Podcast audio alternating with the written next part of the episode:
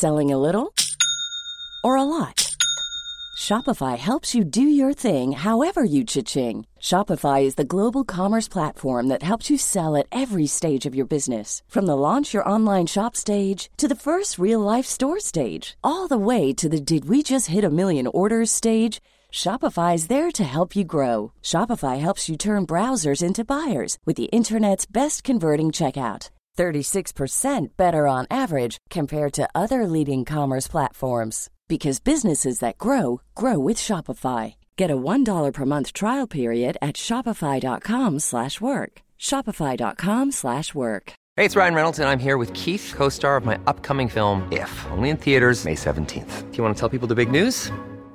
All right, I'll do it. Sign up now and you'll get unlimited for $15 a month in 6 months of Paramount Plus Essential Plan on us. Mintmobile.com slash switch. Upfront payment of $45 equivalent to $15 per month. Unlimited over 40 gigabytes per month. Face lower speeds. Videos at 480p. Active Mint customers by 531.24 get six months of Paramount Plus Essential Plan. Auto renews after six months. Offer ends May 31st, 2024. Separate Paramount Plus registration required. Terms and conditions apply if rated PG. Millions of people have lost weight with personalized plans from Noom. Like Evan, who can't stand salads and still lost 50 pounds. Salads, generally, for most people, are the easy button, right? For me, that wasn't an option. I never really was a salad guy. That's just not who I am. But Noom worked for me. Get your personalized plan today at Noom.com. Real Noom user compensated to provide their story. In four weeks, the typical Noom user can expect to lose one to two pounds per week. Individual results may vary.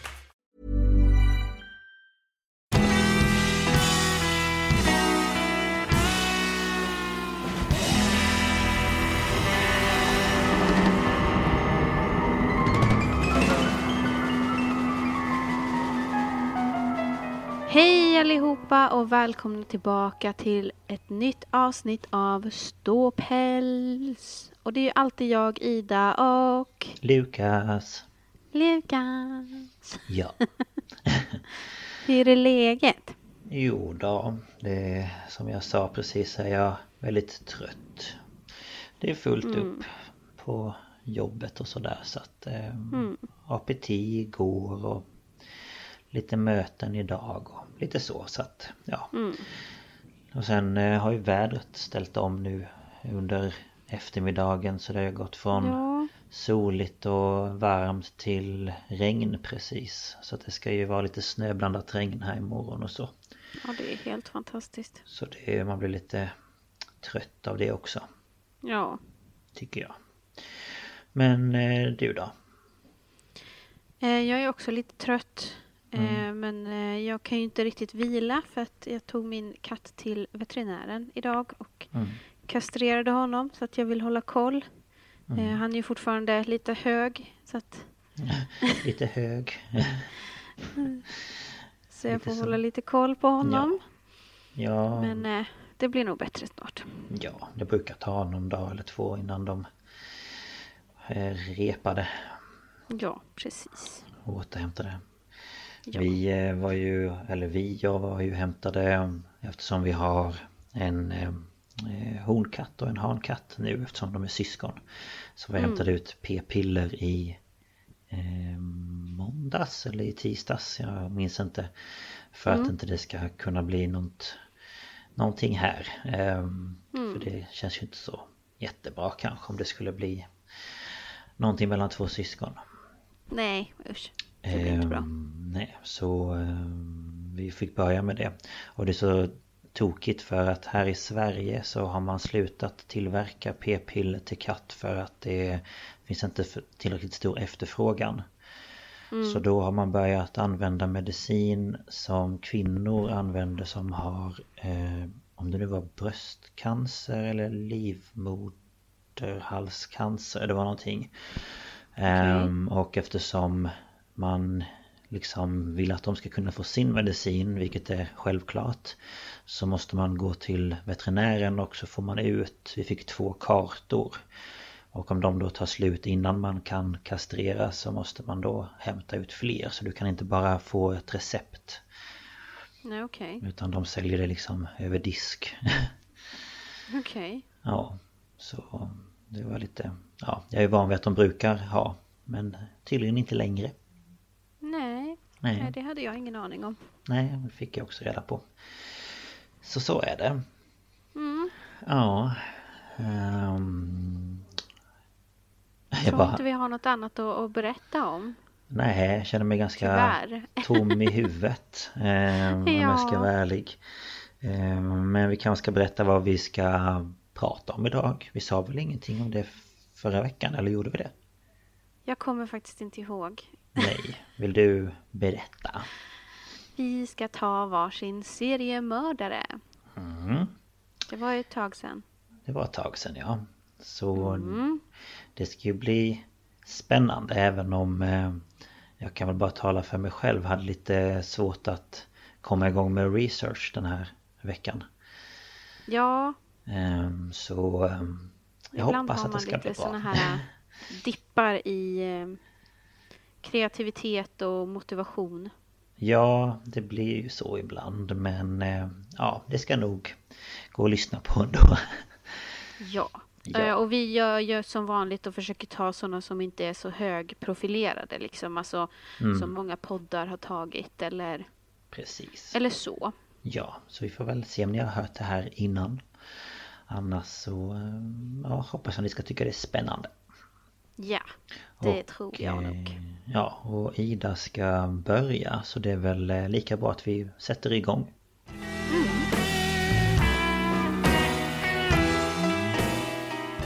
Då eh, måste jag triggervarna eh, innan jag börjar. Eh, för det är våld mot barn. Mm. Så att vill ni inte höra det så hoppa vidare. Ja, det är aldrig skoj med, med den biten. Nej, inte för att det är så jättemycket detaljer men det är fortfarande barn som får illa. Mm. Eh, och jag, för jag ska prata om en man som hette Luis Alfredo Gav- Garavito. Mhm. Mm. Eh, och mina källor är Wikipedia, där kollar man upp allt möjligt som vanligt. Och sen är det en sida som heter lawyersupdate.co. Eh, Britannica.com, Murderpedia.org och en dokumentär från Discovery Channel från 2003 som heter The World's Worst Serial Killer. Mm. Det är my sources for the week. Yes. Yes. Eh, nu hoppar vi till Colombia i Sydamerika, om ni inte visste det. yes. det kan inte alla vet. Eh, och i Colombia mellan åren 1992 och 1997 så hade ett stort antal pojkar i åren 6 till 16 försvunnit från gatorna runt om i landet. Mhm. Eh, men de här försvinnandena fick först ingen större uppmärksamhet för det rörde, sig, eh, rörde då eh, fattiga, hemlösa eller föräldralösa barn. Så det fanns liksom ingen som anmälde dem försvunna. Mm, Okej. Eh, och i november eh, 1998 i byn Nacederos eh, som ligger 38 mil väster om Bogotá så gjorde man ett hemskt fynd. För man hittade alltså en massgrav. Eh, och där fann man då liken av barn. Alla fulla med sår av knivar eller något annat slags blad. Och eh, rättsmedicinska tester visade att barnen var, eh, som de säger då, Caucasian, alltså vita, fast colombianer kanske inte räknas som vita, men, men eh, ja, jag är Mm, inte så ja. insatt i det där eh, hur man delar in allt det där, men de sa Caucasian i alla fall. Okej, ja. Eh, och alla var mellan 8 och 14 år gamla. Och man började snabbt arbeta med att försöka identifiera dem. Men man kunde inte ta några fingeravtryck för man bara hade hittat ben.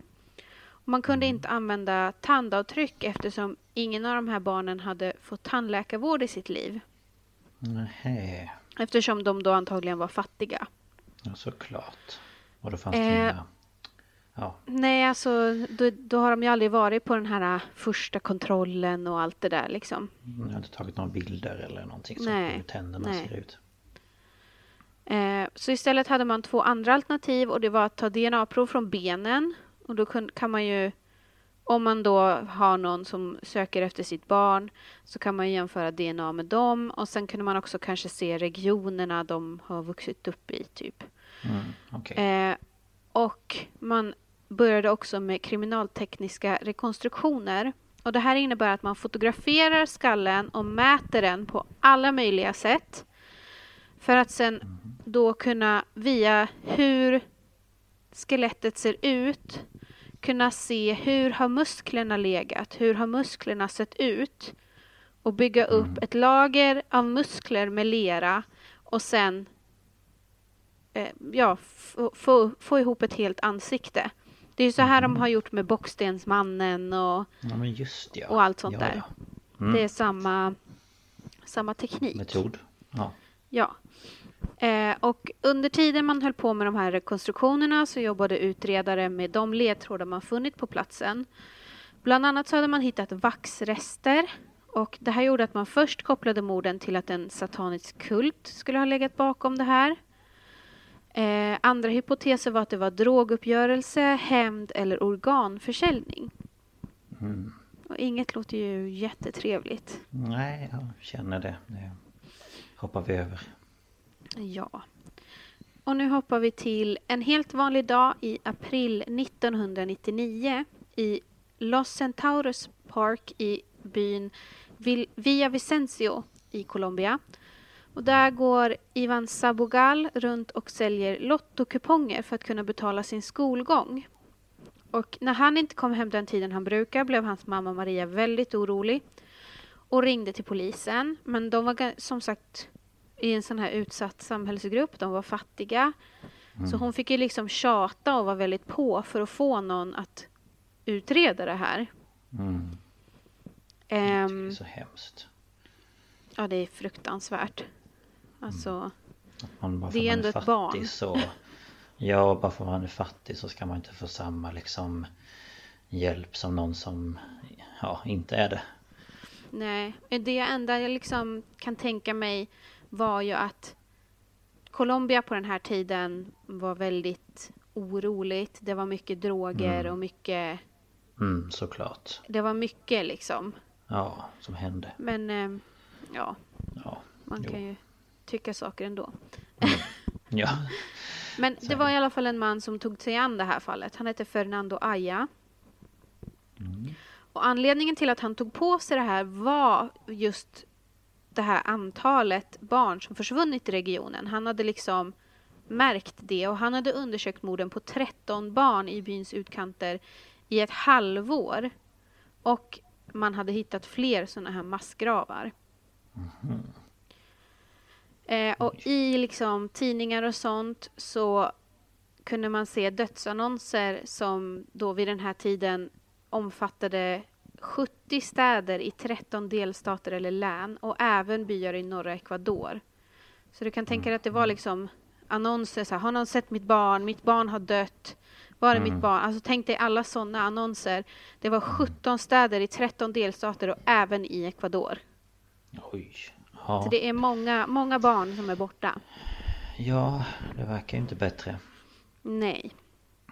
Och Fernando Aya han jobbar ju stenhårt med att hitta Ivan. För att mamman kom ju in ganska omgående. Där hon fattade att han är borta. Så att man liksom tänkte att man hade en chans. Mm. Och eh, han fick ju se foton och han märkte ju då att liksom det här med ålder och ras är ju fel att säga, men det här med Caucasian Etnicitet. Eh, etnicitet, det var det jag menar, absolut Mm. inte ras. Ehm, att det var väldigt likt. Eh, Allt det här liksom fick honom att tänka på de här eh, barnen i Nacedero som han hade hittat. Mm. Eh, och han liksom tänkte att ja, det här båda liksom inte väl. Nej. Och eh, han undersökte liksom områden där barn har försvunnit och han tänkte hur har, har någon kunnat tagits, kanske skrikit och sen begravts här utan att någon hört, sett något eller inte heller sen då känt liklukt. Så han bestämde sig eh, för att ta några kollegor och sätta sig högst upp i ett torn som liksom såg ut över en sån här plats. Och de övervakade den i ett dygn. Och de iakttog parkvakterna som då patrullerade runt, men de, de var till häst.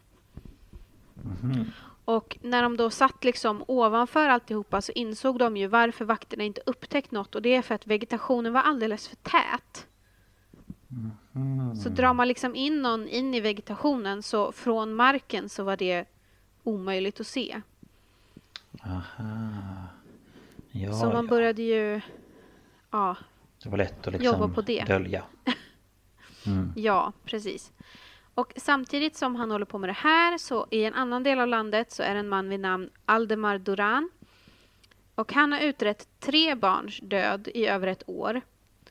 Eh, och hans team upptäckte likheter med fall runt om i landet så de började plocka ut akter från arkivet från 91 till 98 och upptäckte då att i många fall hade barn blivit mördade, mördade under liknande omständigheter.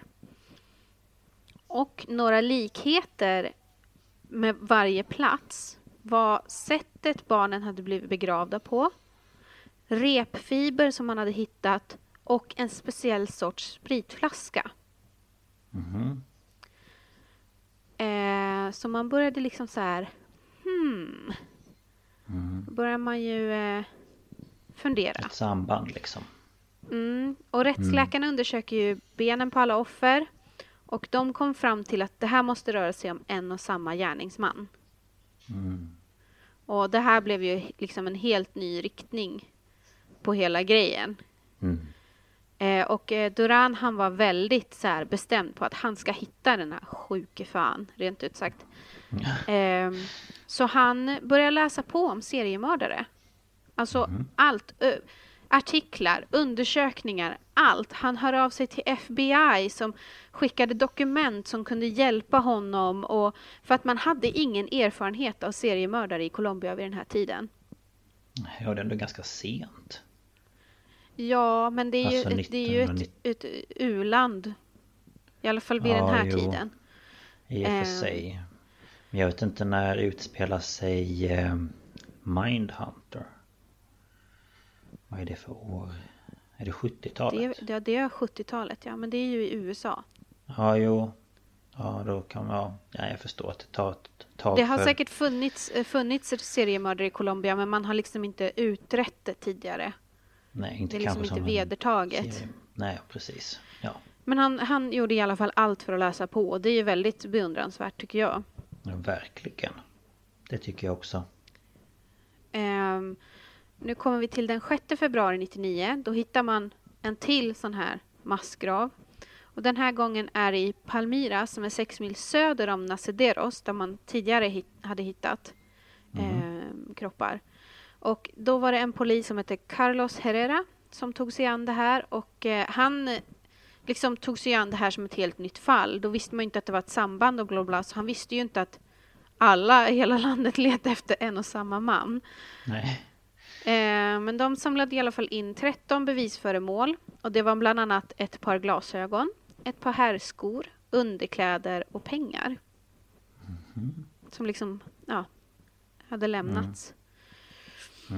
Eh, och ehm, han Duran, han insåg att om de ska hitta den här mannen som då liksom härjade i den här fattigare delen av samhället med hemlösa, så måste de liksom ta sig in i den själva. Så man satte sina bästa liksom spanare på liksom, de klädde ut sig och de började prata som de i de här områdena och liksom, ja, skulle bli en av dem för att ja, men, Mm. Smälta in liksom. Ja, och sen så här, du har du hört om de här barnen som har försvunnit här? Du har inte hört något? Alltså, Ja, precis. Har du hört något här eller? och sen att de, ja, de skulle ju se om de helt enkelt såg någon som betedde sig konstigt. Och på den här tiden i Colombia var ju det här skitfarligt.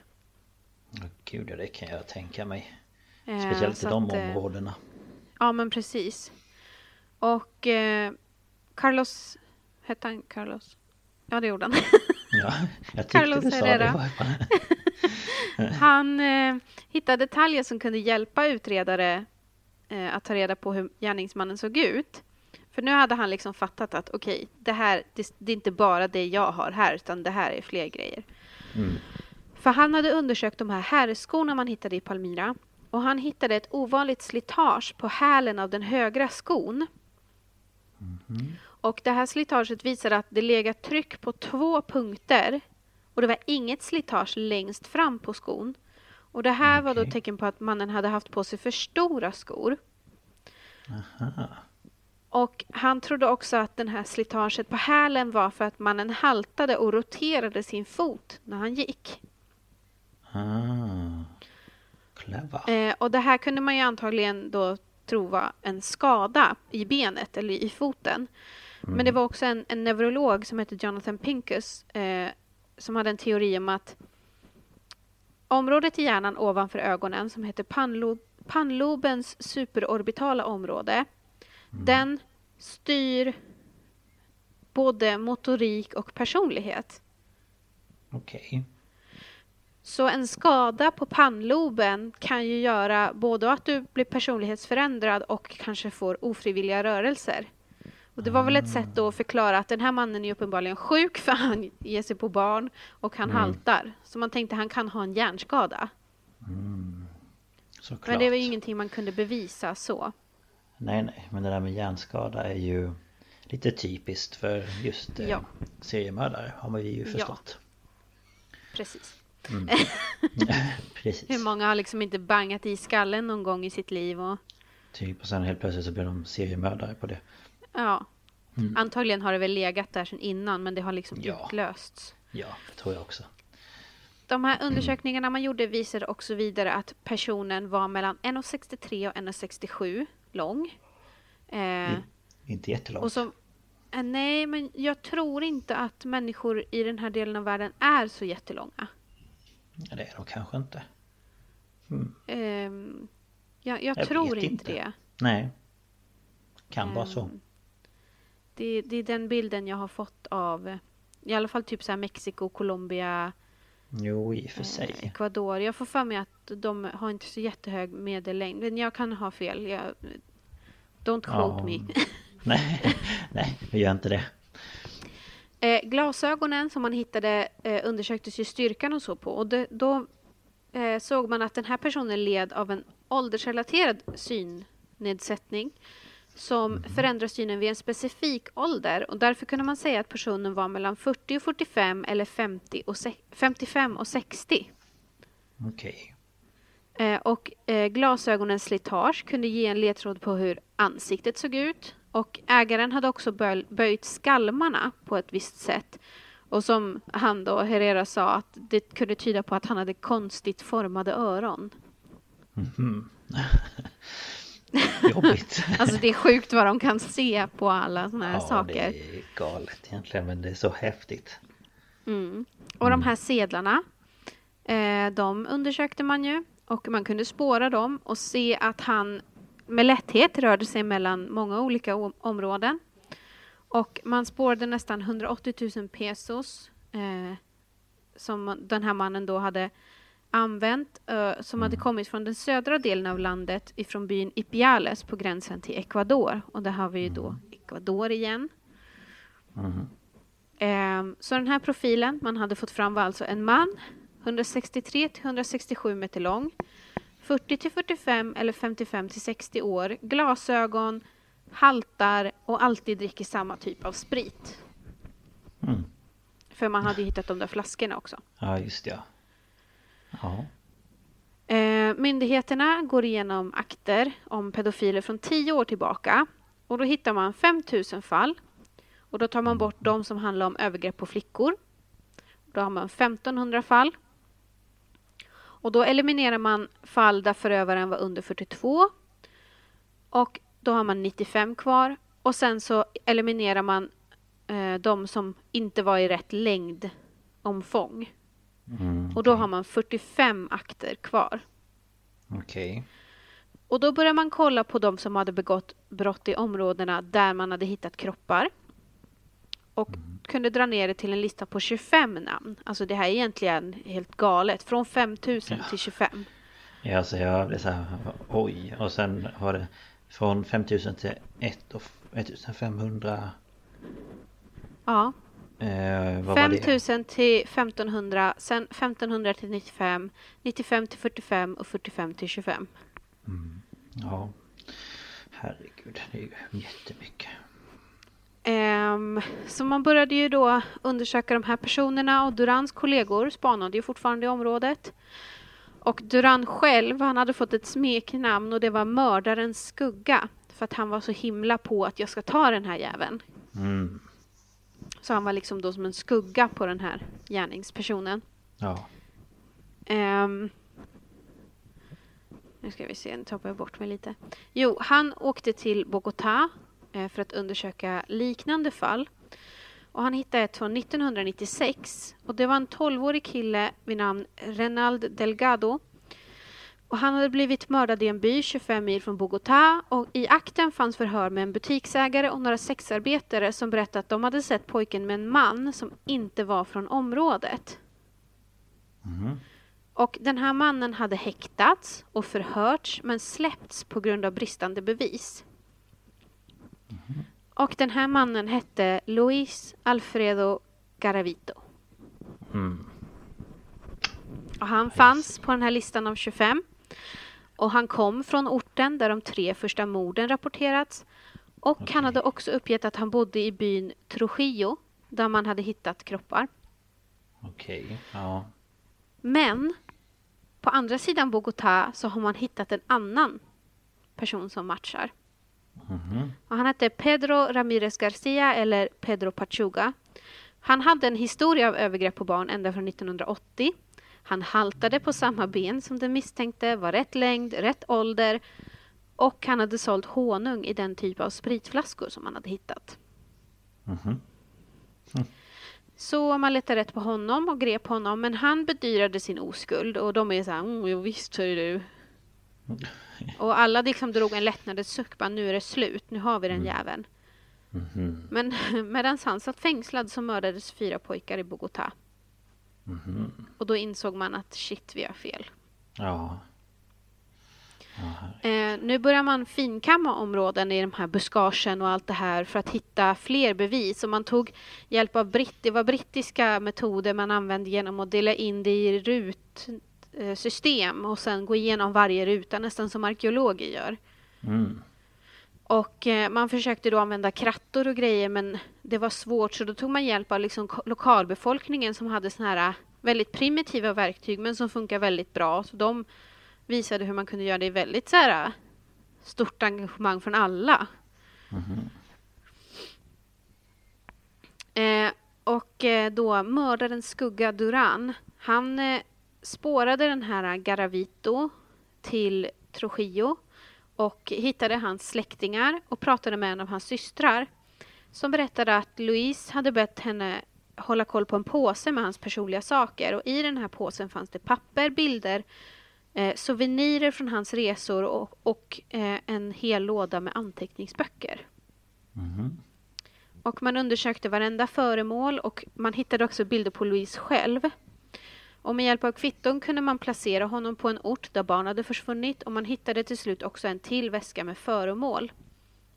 Och i den fanns bland annat lottokuponger som var likadana som det som Ivan hade sålt och en förteckning på alla Garavitos resor mellan 94 och 97. Det här är väldigt vanligt med seriemördare. De, de, det är deras sätt att minnas vad de har gjort. De de skriver håller upp liksom allting eller tar någonting eller... Mm. Ja, Ehm, det är ju vanligt. Ja. Eh, man kunde också med hjälp av bevis man hittat på platser där kroppar eh, hittats komma fram till, för man, eh, glasögonen bland annat var, var lite brända och det var lite så här sådana saker. Man kom fram till att den här mannen antagligen hade bränt sig svårt och hade brännskador på vänster arm, på sidan och på ett av benen. Och det här kunde ju göra att han stack ut då liksom. Man försökte göra allt för att eh, hitta någonting som kan fånga den här jäveln. Mm. Och den 22 april 1999 klockan 19.15 får polisen in ett nödsamtal från en vettskrämd bilhandlare Som berättade att han har en pojke hos sig som sa att han hade rymt från en man som försökte begå övergrepp på honom. Och eh, det här är inte jättelångt efter Ivan försvann så att polisen tar med sig Maria, Ivans mamma, Mm. eh, och åker dit och hon känner omedelbart igen pojken för det var Ivan. Mhm. Så han klarade sig. Usch. Det var en hemlös eh, man som hade sett att Ivan inte kände sig riktigt bekväm eh, och Okej. liksom gått emellan och låtsats att han kände honom Ja. Gud eh, vilken och tur. räddat livet på honom. Mm. Ja. Eh, och när han och hans mamma sitter i baksätet på polisbilen för att liksom åka tillbaka Mm. så händer det helt galna. För han ser den här mannen som Mhm. har överfallit honom. Ja, men gud. Så man stoppar ju omedelbart honom och han sa att han hette Bonifacio Morero Liscado. Eh, Det här namnet var inget, inte bekant, fanns inte med på någon lista, men eh, man grep honom ändå. Jaha. Och man lade märke till att han inte någon gång liksom var så nervös eller rädd. Liksom sådär som man kan vara om man blir oskyldigt Dömd. anhållen för något. Ja, eh, precis skriven. Ehm, och eh, Aya, som jag har berättat om tidigare, han åker till den här eh, mannen och håller förhör. Och eh, han ser den här slående likheten mellan då Bonifacio och Luis Garavito. Mhm. Och han märkte också att Bonifacios namnteckning var olika varje gång han skrev den. Jaha. Och bara You lying! Precis. Eh, det stämmer inte va? Eh, så han liksom kallar till sig varenda polis från hela landet och håller liksom så här stormöte där alla ska utbyta information. Och han visar då ett sånt här eh, mugshot på Bonifacio för Aldemar Duran. Mhm. Och han blir helt mållös för han bara det där är inte någon Bonifacio, det där är Luis Alfredo Garavito. Mhm. Så vem är den här eh, Luis? Ja. Han föddes Luis Alfredo Garavito Cubillos, även känd senare som La Bestia, Besten, eller Tribilin som är en spansk översättning av eh, långben. Han ser Jaha. lite sån goofy ut. Ja. Det var bara han Eh, kort. han föddes kort. Ja, var inte han kort? Ah, Herregud. Han föddes den 25 januari 1957 i Genova i Colombia. Han var äldst av sju syskon och eh, man tror att hans mamma var en eh, sexarbetare men man vet inte. Men det Nej. spekuleras. Ja. Och hon eh, misshandlades av hans pappa som var en alkoholist som också gav sig på Louise och hans syskon. Eh, och han tvingade också Louise att titta på medan mamma hade samlag med pappa och okända män. Och alltså. eh, lät sen de här männen eh, göra vad de ville med Louise. Typ. Alltså, vilken eh, uppväxt. Fy. Ja. Eh, han rymde till slut hemifrån, överlevde på gatan och vid åtta års ålder så möter han en man som erbjuder honom ett varmt mål mat och en plats att sova på. Och han tvekar väl men går med på det. Men istället för den utlovade maten och sängen så förgrep sig mannen på honom. Jaha. Såklart. Eh, så han eh, återvände hem. Och Mm. det finns också rykten om att han sen då blev våldtagen vid ett flertal tillfällen av två manliga grannar. Okej. Eh, han gick bara i skolan i fem år och flyttade hemifrån när han var 16 och började först arbeta i butik och sedan som eh, säljare i såna här gatustånd. Mm. Eh, och när han blev vuxen så hoppade han från jobb till jobb och han drack väldigt mycket och eh, folk som har liksom varit bekanta med honom säger att han kunde bete sig väldigt aggressivt. Okej.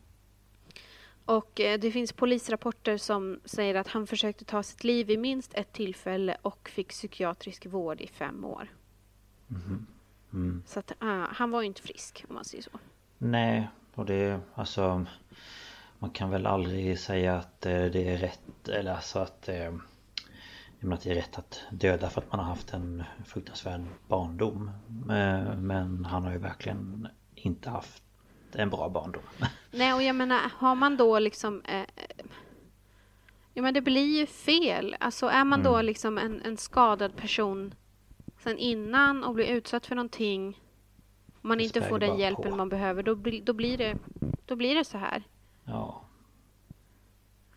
Tyvärr. Eh. Det är ofta så. Ja. Polisen, eh, det var liksom det jag hade om honom. Det fanns inte jättemycket om hans bakgrund. Eh, det, det jag läste på något ställe att han hade haft en flickvän som hade jag vet inte om det var en dotter eller en son, men hon hade i alla fall ett barn. Mhm. Och men det barnet rörde han aldrig. Okej. Det Eh, var alltså hans eget? Hans flickväns. Nej, det var inte hans barn. Nej okej så hans flickväns. Okej. Ja, Ja, nej det... Ja. så att, Tur för eh, det ja, barnet. jag vet inte. Ja, men verkligen. Eh, polisen tog nu hjälp av en kvinnlig vän till honom eh, och de satte en mikrofon på henne och lät henne besöka honom. Och han berättade då för henne att det finns en påse till med ägodelar men den hade han gett till en annan fånges fru. Och hon fick ju honom att säga vem det var. Mm. Eh, och i den här påsen så fanns det fler papper, bilder på barn och ett papper med konstiga figurer på. Och man förstod senare att det här var hans eh, sätt att hålla räkningen på alla offer. Mm. Eh, man tog DNA på honom för att kunna knyta honom till föremålen man hade hittat på kropp, vid och på kroppar. Och det matchade. Och man gjorde också ett syntest på honom. Och för att han inte skulle kunna fuska för att komma undan så fick alla fångar genomgå syntest. Okej. Ja, det Eh, och, ja, det matchar Ja. ju såklart. Ja. Eh, han eh, förnekar allt och med tårar i ögonen säger han att han aldrig skulle kunna begå sådana här handlingar. Men eh, då kom Aldemar Duran, mördarens skugga in och han gav sig inte. Nej. Och han tog liksom upp case efter case och berättade i detalj vad då de här barnen hade blivit utsatta för. Och efter 18 timmar så fick han Louise att erkänna. Mhm. Och han, det finns video på när han brister och han sitter och gallskriker Borke! Borke! Alltså varför? Mm, varför ja. Och verkligen så här, alltså bölar. Ja. Eh, och han grät som sagt var hejdlöst och berättar i skrämmande detalj om sina brott och påstod att han hade varit besatt av en ond ande vid varje tillfälle. Ja. Vid varje tillfälle. Mm. Den kom och gick lite sådär. Och- jag menar, det är väl en, en ganska religiös kultur, så för honom Ja, kanske det var det, såklart. att det, det var den här dåliga sidan som kom fram och sa åt honom att göra det. Mm. Jo så. Tack, Jag kan tänka mig att det är något sånt. Ja. Jo. Såklart. Eh, man gjorde en psykiatrisk undersökning på honom och eh, man fastställde att han hade en antisocial personlighetsstörning. Mhm. Så att, eh, Mm. ja, som sagt var, en, en skadad person blir utsatt för mer skada och då Ja. blir det kaos. Kaos. Ehm, och han samarbetade med polisen och visade var han hade begravt fler offer. Mm. Och eh, det slutgiltiga antalet blev 140 stycken. Usch. Och det var bara barn. Ja, Fy.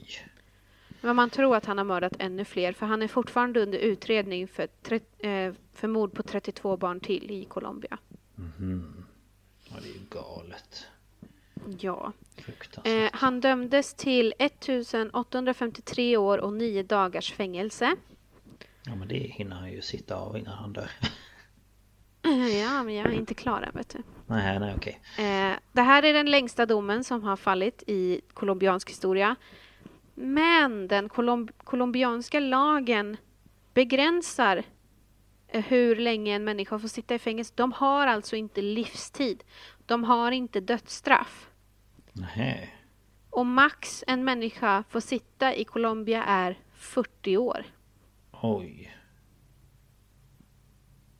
Men hur gammal skulle han vara då? Om han satt i 40 Ja. år från att han dömdes. Eh, han var ju född 57 och det här var ju 99. Ja. Vad blir det då? 47? Nej, 57, 67, 77, 87, 90. Han var ju 42 då. Okej, så Så han skulle ju varit i 80. 80-årsåldern. Ja, då kanske han ändå redan skulle vara död. Men jag är inte klar. Nej, okej. Ska sitta och För eftersom han erkände Mm. så sänktes automatiskt straffet. Nej. Det gör det när man erkänner till 30 år. Ever catch yourself eating the same flavorless dinner three days in a row? Dreaming of something better? Well, HelloFresh is your guilt-free dream come true, baby. It's me, Gigi Palmer. Let's wake up those taste buds with hot, juicy pecan-crusted chicken or garlic butter shrimp scampi. Mm. Hello Fresh. Stop dreaming of all the delicious possibilities and dig in at HelloFresh.com. Let's get this dinner party started. Hey, it's Ryan Reynolds, and I'm here with Keith, co star of my upcoming film, If, only in theaters, May 17th. Do you want to tell people the big news? Right, I'll do. Sign up now and you'll get unlimited for $15 a month in six months of Paramount Plus Essential Plan on us. Mintmobile.com slash switch. Upfront payment of $45 equivalent to $15 per month. Unlimited over 40 gigabytes per month. Face lower speeds. Videos at 480p. Active Mint customers by 531.24 get six months of Paramount Plus Essential Plan. Auto renews after six months. Offer ends May 31st, 2024. Separate Paramount Plus registration required. Terms and conditions apply if rated PG. Eftersom han också var polisen behjälplig och pekade ut var han hade dumpat kroppar så sänktes straffet till 22. Nämen. För så många För våldtäkter och 140 mord. barn. Men det är ju helt, helt galet. Eh, och i hopp om att korta sitt straff ytterligare så bad han offentligt om ursäkt och han sa Jag ber folket i Colombia att förlåta mig och ge mig möjligheten till att få något som jag inte kunnat ge. Alltså förlåtelse. Jo men det är redan för sent lillvän. Ja, men lite så. Det var för sent för 140 barn sen. Ja. Man bara, du kanske skulle tänkt på det lite tidigare. Och Mm. men alltså, jag tycker det är fruktansvärt. Hur kan en sån person bara sitta 22 år i fängelse? Men det, det, det hade jag verkligen inte väntat mig. Eh, Nu låter jag kanske fördomsfull, men i ett land som Colombia, jag trodde de var mycket mer brutala. Ja, men var det inte någon annan som du tog upp eh, från Sydamerika? Vad hette han nu igen? Eh, Jag vet inte. Nej, det kan inte vara du. Det kanske var... Vad blev det för mord? Ehm, Jag vet inte. Ja, det var någonting och det var också så helt galet när det kom till straffet. Mm. Han borde ju antingen sitta livstid eller avrättas som barnen gjorde. Han eh, avtjänar för närvarande sitt straff i ett fängelse med högsta säkerhet i Valledupar. I avdelningen, alltså eller ja, avdelningen, vad säger man? Eh, län, jag vet inte vad de har, landskap, län, region. Ja, Eh, El Cesar i Colombia. Okej. Och han hålls separat från andra fångar eftersom man tror att han skulle dödas omedelbart om han sattes med de andra. Konstigt. Och nu får du höra något riktigt trevligt. Ja. Han kan bli berättigad att ansöka om villkorlig frigivning 2023. Nej. Jo. Ja, håll era barn instängda, inlåsta. Då har han liksom suttit i ja, 22 år. Eller vad blir det? Nej, vänta. 24 år. Mm. Eller ja, jag vet ju inte när fängelsedomen började gälla i och för sig. Nej, sant. Men Så alltså. att, eh, det hänger väl lite på de här 32 morden till då. Ja, såklart. Och eh, han är ju... När man söker på seriemördare och man får upp lister så är han den som har dödat absolut flest. Mm. Så han är, som den här dokumentär, dokumentären sa, the world's worst serial killer. Mm. Ja, fruktansvärt. Mm. Det är liksom, jag tycker bara det är så... Man kan ju aldrig förstå.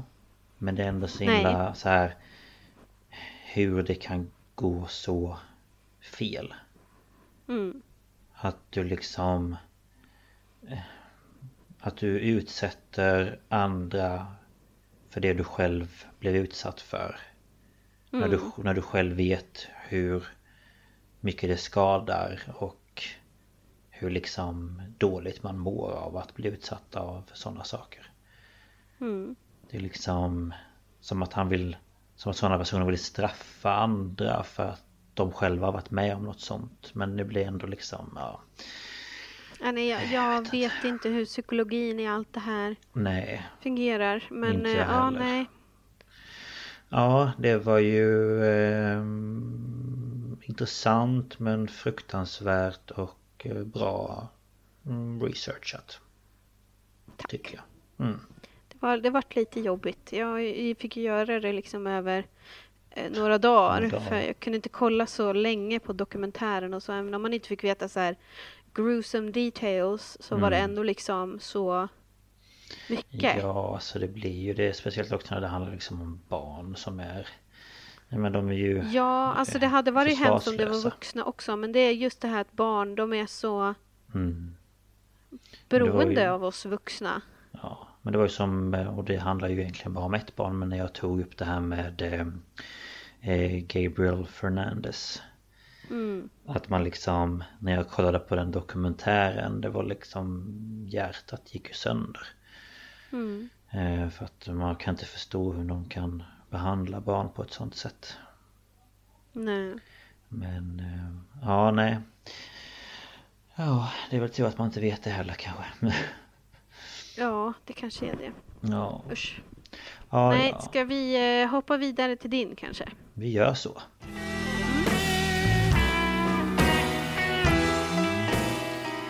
Jag ska ju då prata om en eh, rysk eh, seriemördare Som... Ja, just det. Ja, och det roliga var att eh, först hade jag ju tänkt ta något annat Och sen blev jag så här, ja, nej, Ja. jag vet inte Och sen så skrev jag, men jag tar det här och då var det den du hade valt mellan Ja, Så eh, det... så jag har inte läst mycket om det utan jag bara var så här.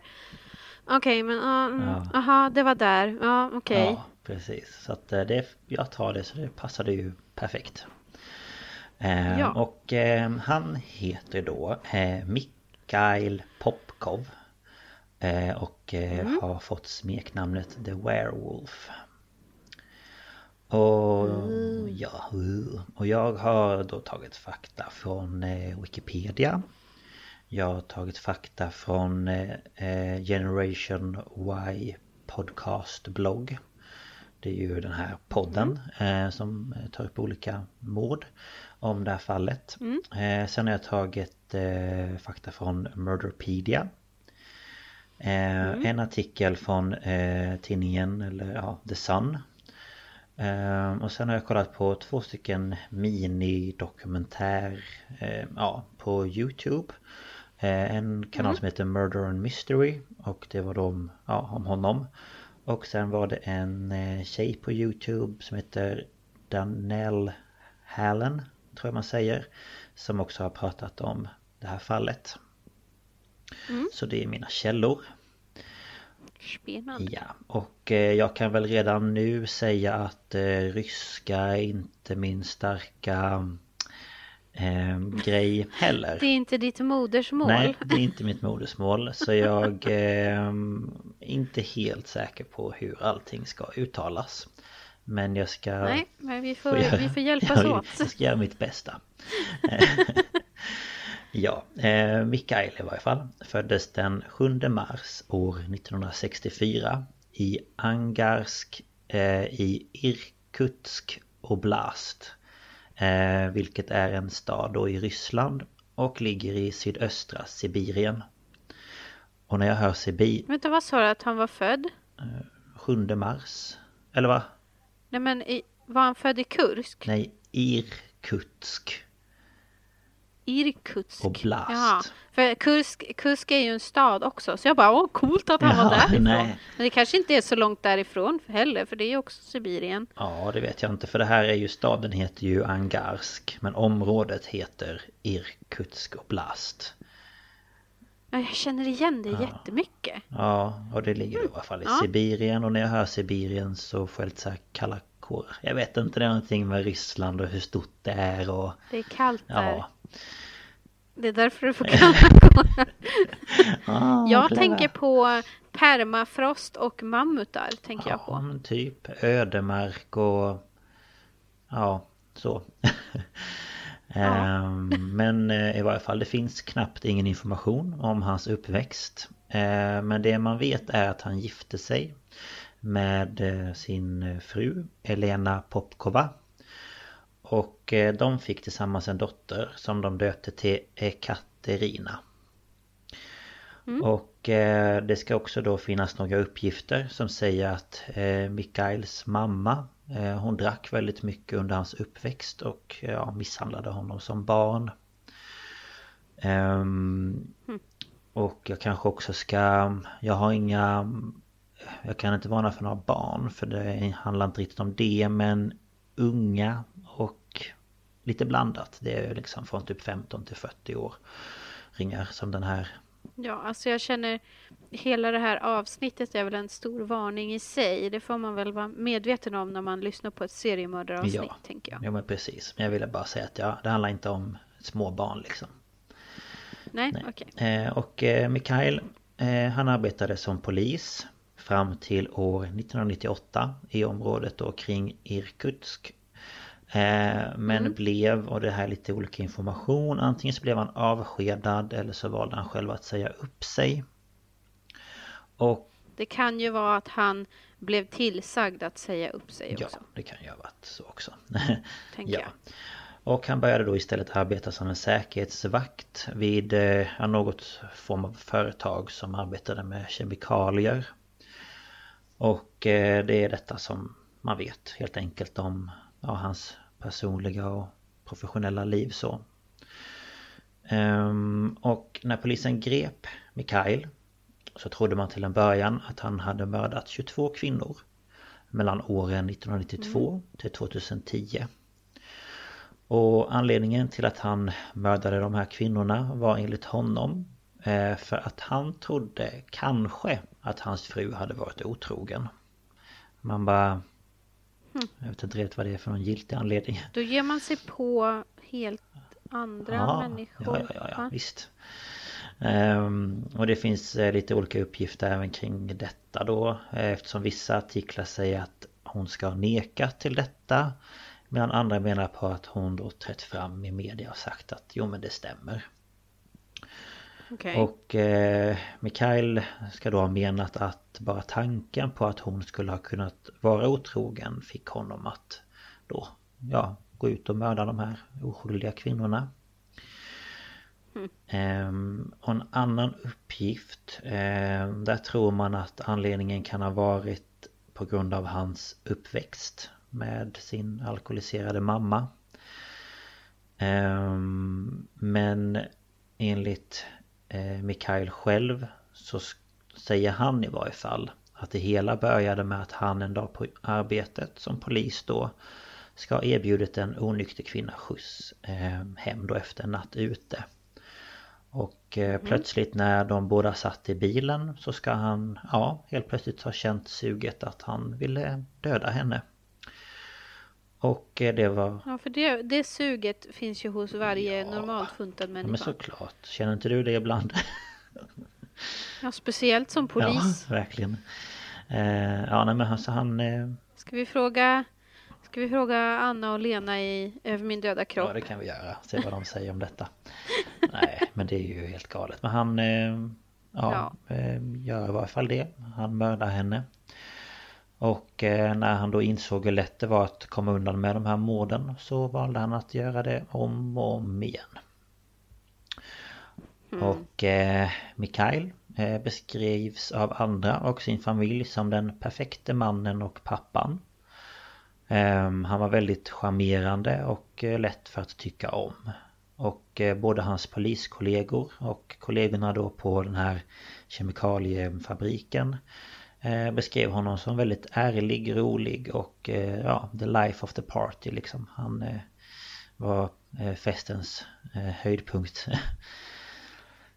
Ja, och det här gjorde ju då att det var ingen som trodde att den här charmiga kollegan eller ja, mannen eller pappan kunde vara kapabel till att utföra de här då handlingarna mot de här kvinnorna. Ehm, och Mikael han har själv senare uttryckt att han ville rensa gatorna från ja, typ lösaktiga kvinnor. Eh, att han liksom testade att, att se om de ville få skjuts hem och när de började kanske flötta lite med honom så förstod han att det här var ingen kvinna som ska få gå runt och ja, eh, vad ska man säga, slampa sig. Nej men du fattar vad jag menar. Finnas till. Ja men typ att, ja. Ehm, och sättet då som han mördade dem på det var att han plockade upp dem i sin polisbil iklädd sin eh, polisuniform för det mesta hade han den på sig. Och detta gjorde han då för att ja, polisen det fungerar ju såklart som en trygghet eh, för många. Och eh, Mm. därför litade de då på att det inte var någon fara med att åka med honom. Men istället för att köra hem dem så körde han ut till en skog och eh, där drog han ut dem i skogen. Och i skogen så våldtog han dem samt torterade dem innan han mördade dem. Jaha, så de var lösaktiga men de dög tydligen och har sex med i alla fall. Ja Såklart, för då var de ju redan eh, Wow. typ eh, halvt eh, Vad heter det? De var När man är eh, avsvimmad ish eh, Vad heter det? Ja, Medvetslös, tack. Jag bara, vad heter det? eh, ja, nej, så han var vidrig. Ehm, Och det här smeknamnet då, The Werewolf som han fick eh, Det fick han eftersom han lämnade sina offer allvarligt skadade. Och eh, vissa hade han knivhuggit uppemot 170 gånger. Åh jävlar. Eh, och vapnen han använde det var vapen som han tog från polisstationen Som då andra eh, kriminella eller ja, folk som hade begått brott eh, använt innan eh, Så bevisföremål? Ja, bevisföremål Men vad fan. ja, Så han hade ju ett helt rum där att gå in och välja ifrån Ehm, Men herregud. Ja. Och det kunde ju till exempel vara knivar, hammare, yxor eller rep eller ja allt mellan himmel och jord. Mm. Och eftersom eh, eh, Eller efter då att han hade använt de här vapnen så tog han och eh, ja, försökte få bort alla fingeravtryck och eh, gjorde sig av med vapnet. Eh, Antingen så gjorde han alltså sig av med det som polisen gör att de förstör det. Eller så liksom försökte han placera det lite snyggt vid eh, personen eller kvinnan som han hade mördat. Eh, och eh, enligt några tidningsrubriker så ska han vid ett tillfälle till och med slitit ut ett av offrens hjärta. Man bara... Mm, Trevligt. vilken mysig filur. Och eh, i många år så kritiserades polisen för att de inte hade lyckats hitta den skyldige. Samt då att polisen också ignorerade viktiga bevis. Ehm, och eh, polisen de misstänkte till en början att den skyldige arbetade som ja, kanske metallarbetare eller körde lastbil eller var anställd som någon järnvägsarbetare. Ehm, Okej. Eller att han kanske till och med då ehm, arbetade på någon kyrkogård eller så. Ehm, Och vid den här tiden så fanns det ju inte den här DNA-tekniken som finns idag. Nej. Och då ingen heller misstänkte, alltså Mikael då, eh, så var han ju inte heller rädd för att upptäckas. Och han levde ett eh, dubbelliv. Eh, Där han då efter morden åkte hem till sin fru och sin dotter som om ja, inget hade hänt. Ehm, Och eh, Mikael var eh, så bra på att dölja vad han gjort. Så när han väl då till slut blev anklagad så blev hans dotter så chockad så och kunde liksom inte tro att det var han. Ehm, Nej. för att hon såg ju då honom som den ja, perfekta pappan liksom. Och hon tyckte också det var väldigt konstigt att det aldrig liksom fanns varken spår av blod eller att han hade rivsår eller någonting som då tydde på att han hade varit i någon slags eh, ja, men fight med någon. Ehm, Men till slut då så eh, kom det fram viktiga uppgifter efter att eh, Mikhail misslyckades med två av sina mord. Och det första som han misslyckades med eh, det var den 26 januari 1998. Eh, då var den eh, då 17-åriga Svetlana Mysiavicius på väg hem från en vän när en polisbil stannade och erbjöd henne skjuts hem. Och mm då det var väldigt kallt ute och hon frös väldigt mycket så tackade hon ja. Eh, för hon tänkte liksom att ja men jag ska ju åka med en polis eh, så det borde ju inte vara någon fara.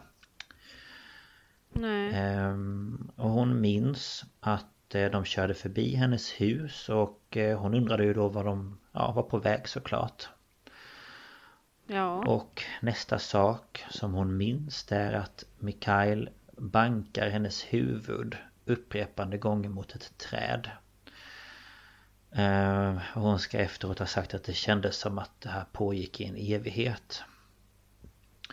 Ja, det förstår ja, jag. Och hon minns att hon skakade av rädsla och förstod att han försökte våldta henne. Eh, mm. Men på något sätt så lyckades hon komma ur hans grepp eh, och bestämde sig för att springa till hans bil där hon då hoppades på att hon skulle kunna hitta bilnycklarna. Men eh, de var tyvärr inte där. Så eh, Mikael ska ju då ha kommit ikapp henne och när han försökte greppa tag om henne så ska hon ha snubblat och ramlat ner från några trappor. Ehm, och när hon väl då eh, ja, men kom på benen igen så fick hon syn på några som då var på väg mot henne i en bil men eh, ja, de vägrade hjälpa henne och åkte vidare. Nej. Ja, man bara... Och eh, ja, jättebra. Eh, och i samma stund så fick hon syn på Mikaels bil som närmade sig en bit bort. Och då hon var väldigt skadad vid det här laget så klarade hon inte av att ta sig därifrån. Nej. Så istället så attackerar han henne igen och lämnar henne för att ja, dö ute i skogen. Och hon hittades eh, naken utomhus då tio timmar senare. Och eh, de som hittade henne var helt chockade över eh, att de hittade henne överhuvudtaget och att hon faktiskt eh, överlevde. Mm. Eh, för att på sjukhuset så trodde man att hon var minst 25 år gammal. Eh, men eh, rätt uppgifter då om hennes ålder och sådär eh, uppgavs när hennes mamma hittade henne och kom till sjukhuset. Mm. Och efter attacken så var halva hennes hår bortslitet. Och hon var även förlamad på ena sidan av kroppen. Och eh, några månader senare när hon skrevs ut från sjukhuset så hade hennes hår blivit grått. Mm. Och eh, idag så är Svetlana 39 år. Och eh, kände att den här attacken fick henne att åldras med sju år. Jag vet inte varför hon sa just sju år men ja, hon kände att hon blev äldre. Ja, och det förstår man ja. ju. Och eh, hon menar även på att om det inte vore för honom så skulle hon haft ett normalt liv nu. Och kanske hade hon till och med haft ja, barn och en familj. Ehm, och efter då den här attacken så kunde Svetlana peka ut Mikhail som den då som attackerade henne. Men eh, ja, polisen trodde inte på henne. Och även Mikhails fru Elena eh, arbetade även hon inom polisen. Och av någon anledning så gav hon eh, Mikhail ett alibi för den här aktuella kvällen. Trots att hon inte var med honom. Okay. Eh, vilket är mm. väldigt konstigt för hon visste ju inte vad han var och ja, att han höll på med de här sakerna liksom. Eh, och detta gjorde då att ja, han fortsatte att gå fri och fortsatte attackera och mörda fler kvinnor. Mm. Och en annan kvinna som lyckades överleva eh, en attack var den nu 39-åriga Ev Evgi Nya Prostaskova. Eh, som i juli, ja. ja. Kände att den satt nästan. Eh, nästan, nästan ja. Eh, ja men som i juli år 1999 när hon var 18 år hade blivit bjuden till sin pojkväns restaurang. Och eh, vid midnatt så lämnade de restaurangen och pojkvännen ville gärna att de skulle åka tillsammans hem till hans hus. Eh, men hon kände inte för detta och bad honom att köra hem henne till henne då. Och då ska pojkvännen ha blivit arg och skrikit på henne att hon kunde ta sig hem på egen hand i så fall. Mm -hmm. Och eh, då precis som fallet med Svetlana så ska Mikhail av någon fantastisk eh, slump åkt förbi just då och erbjudit henne skjuts. Och eh, den här gången så bar han inte sin polisuniform men han visade upp sin sån här polislegitimation eller ID. Ehm, och då som alla andra gånger så ska han ha kört henne till skogen där han slagit henne i huvudet för att sedan klä av henne och våldta henne. Och eh, hon har då senare sagt att eh, hon har en familj nu, alltså en bra familj. Hon är gift och har två barn. Och eh, hon berättar även att hon aldrig berättat vad hon varit med om den natten eh, till eh, sin eh, man. Eh, men att hon levt med en stor börda i alla dessa år. Mm. Och hon vittnade också emot Mikael. Och även hon sa att det var han som attackerade henne. Men konstigt nog så gav även hans fru honom alibi denna gången. Också. Eh, även fast hon inte okay. visste att det var han som hade utfört de här morden.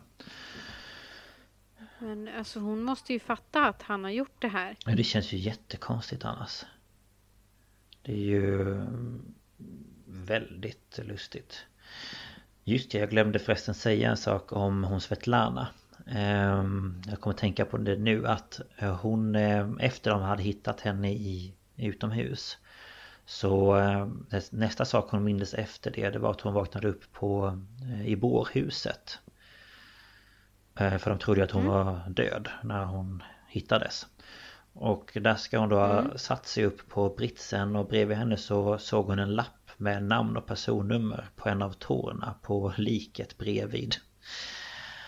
Um, och hon ska senare då okay. ha vaknat upp på sjukhuset. Man bara... Japp, det känns ju eh, fantastiskt Stabilt. och bara så här, vad, vad är det jag ser? Ehm, ja, och några då som inte överlevde eh, Mikhails då attacker det var bland annat Tatiana Martiniva och Julia Kurprikova. Eh, som den 29 oktober år 1998 hittades i diket i en förort till Angarsk. Och eh, Tatianas syster hade köpt en konsertbiljett till ja, sin syster då. Och eh, Tatjana var gift och hade ett litet barn hemma. Så hennes man Igor eh, ville inte att hon skulle åka till den här konserten. Men eh, Tatjana tog med sig då sin vän Julia. Och mm. på morgonen den 29 oktober så ringde Igor till Tatjanas syster för att berätta att hon inte hade kommit hem. Eh, och systern blev ju då såklart orolig eh, då hon aldrig tidigare hade gjort så här liksom att inte ha kommit hem efter något sånt. Och eh, då det inte fanns några mobiltelefoner vid den här tiden så bestämde de sig för att ringa till Julias föräldrar för att se om hon kanske var där. Men det visade mm. sig då att Julia inte heller hade kommit hem. Okej. Okay. Ja. Ehm, och de tog ju sig då till polisen. Men där fick de svaret att eh, det var, de var tvungna att vänta i tre dagar för att de skulle kunna ja, anmäla dem som saknade. Mm. Ehm, och samma kväll så hittade då en bonde deras nakna kroppar i Meget eller Meget, eh, vilket då är en by nära Angarsk. Stackarn. Ja, och eh, Tatianas man hon, Han kände då på sig att de hade blivit mördade eh, Medan systern inte alls förstod vad han pratade om liksom Hon ville väl förneka det och tänkte att ja, men de kommer komma hem eh, Men de fick då senare informationen om att de hade hittats bredvid varandra Och eh, båda var Mm. ja, våldtagna och knivhuggna Och eh, det visade sig att eh, Tatiana och Julia de hade tagit sig till en vän efter konserten För att ta ett glas med några vänner. Och efteråt så ska de ha blivit erbjudna skjuts av en polisman Alltså Mikael. Och Tatianas mamma hon mådde jättedåligt över det här i flera år och eh, klarade inte av hennes död. Och efter att ha försökt leta svar i flera år så dog hon 2007 Endast 66 år gammal av en hjärtattack. Eh, Och efter att Mikael blev gripen så visade det sig att Tatianas syster Kände honom lite smått då de båda sysslade med skidskytte på samma klubb. Ehm, Så det måste vara fruktansvärt att veta att man har sett liksom en systers mördare tidigare. Ja, fy fan alltså. Ja. Eh, Ett annat offer var också Maria Molotkova som var 20 år. Hon arbetade vid en vattenpumpstation i Angarsk. Och hon hittades död i skogen efter att hon hade försvunnit den 17 augusti 1999. Och alla arbetare då från det lokala vattenföretaget kom till hennes begravning. Ehm, och några dagar tidigare då, den 12 augusti, så hade man hittat hennes eh, kropp. Eh, och den var då halshuggen. Eh, med sex eh, knivhugg i kroppen. Och eh, hennes huvud hittades i en soptunna i Angarsk. Hon var medicinstudent. Ehm, det sista... Ska vi se så jag säger rätt. Jo, det sista två som man vet har namn och så på det är Marina Lysiana 35 och Li, Lilja Pashkovkaja 37. Eh, De var vänner och de arbetade i samma butik. Och den 2 juni år 2000 så åkte de för att träffa Marinas syster. Och vid midnatt så började de eh, åka hem. Och först så ville de beställa en taxi men de ändrade sig sedan. Eh, och det var en väldigt ja, trevlig och varm sommarnatt så de bestämde sig för att gå. Och den 5 juni så hittades deras kroppar i skogen nära byn Veresovka. Och Marina hade en 14-årig dotter och Lilja hade två barn. En 12-årig dotter och en 3 år gammal son. Och eh, de begravdes i stängda kistor. Fast den ryska traditionen är att kistor ska vara öppna vid gravkanten. eh, För att släktingar då ska kunna säga ett slutgiltigt avsked. Men eh, då de hade blivit för svårt vanvårdade då säger man. Ja att de hade liksom Vanskapta. så eh, valde de att ha stängda kistor. Alltså det här är fruktansvärt alltihop. Ja, jag vet. Och förutom alla de här kvinnorna så ska han även ha mördat en manlig polis.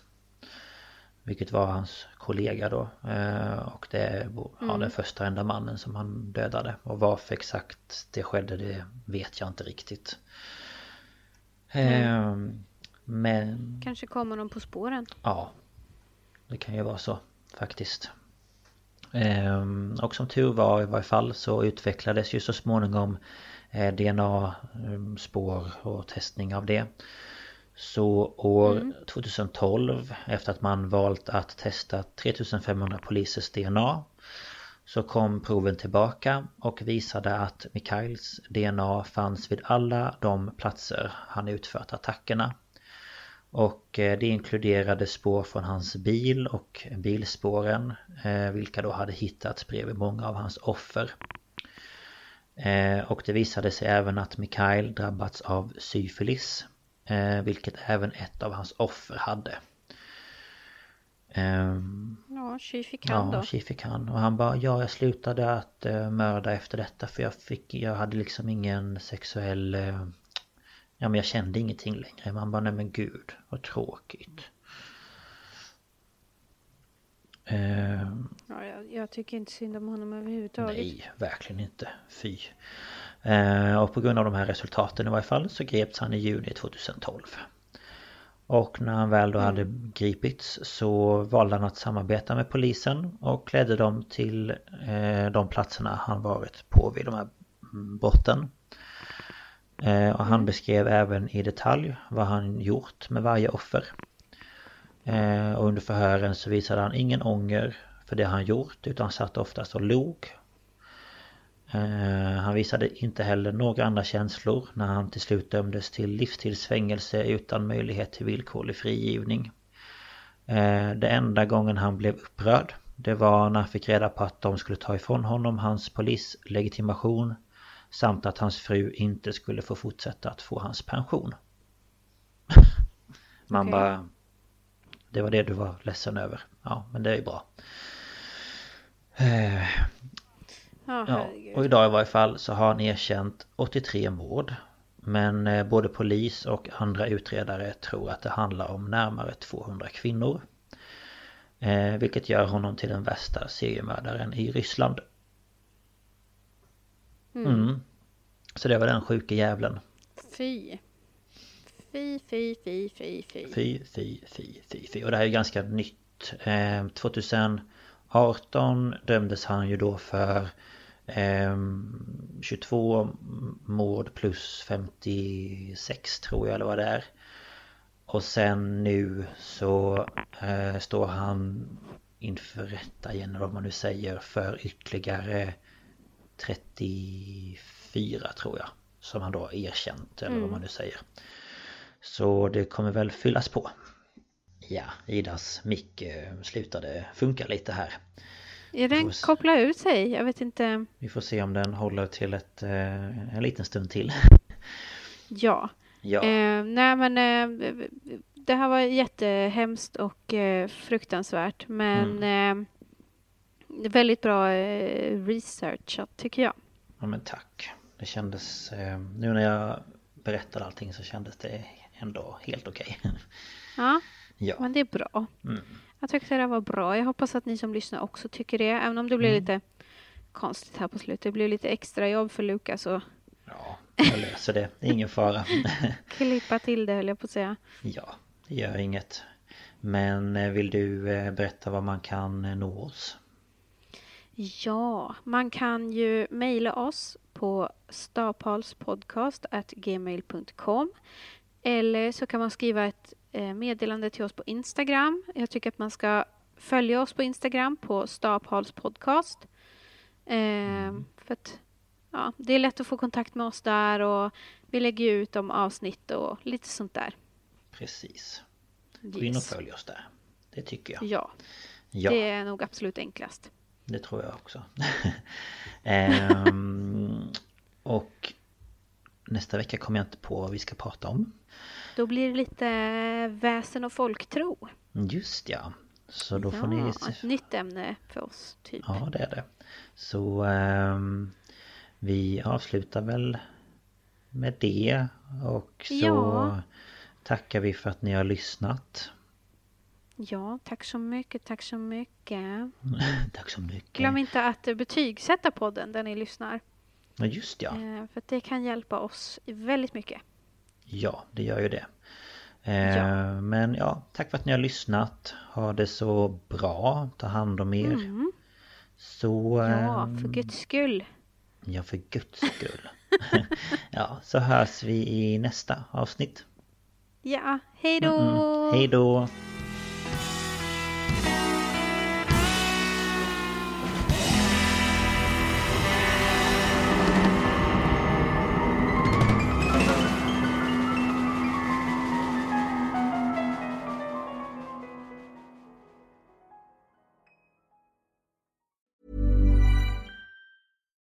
Hi, I'm Daniel, founder of Pretty Litter. Cats and cat owners deserve better than any old fashioned litter. That's why I teamed up with scientists and veterinarians to create Pretty Litter.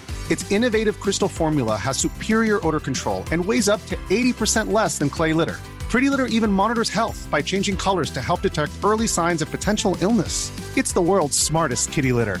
Go to prettylitter.com and use code ACAST for 20% off your first order and a free cat toy. Terms and conditions apply. See site for details. Ever catch yourself eating the same flavorless dinner three days in a row? Dreaming of something better? Well, HelloFresh is your guilt free dream come true, baby. It's me, Gigi Palmer. Let's wake up those taste buds with hot, juicy pecan crusted chicken or garlic butter shrimp scampi. Mm. Hello Fresh. Stop dreaming of all the delicious possibilities and dig in at HelloFresh.com. Let's get this dinner party started. The secret to visibly firmer, summer ready skin is here. Osea's number one best selling Andaria Algae Body Oil, clinically proven to instantly improve skin elasticity and transform dull, dry skin to silky, soft, and unbelievably glowing. Rich yet never greasy, Andaria Algae Body Oil is formulated with sustainably sourced seaweed to help replenish the skin's moisture barrier and seven nourishing active botanical oils for results you can see and feel all over. The best part? Its signature scent. A blend of freshly squeezed grapefruit, cypress, and mango mandarin transports you to sun kissed summer days. This all natural scent is unforgettable. Everything Osea makes is clean, vegan, cruelty free, and climate neutral certified, so you never have to choose between your values and your best skin. Get healthy, glowing skin for summer with clean vegan skincare from Osea. Get 10% off your first order site wide with code GLOW at OseaMalibu.com. That's OSEAMalibu.com code GLOW.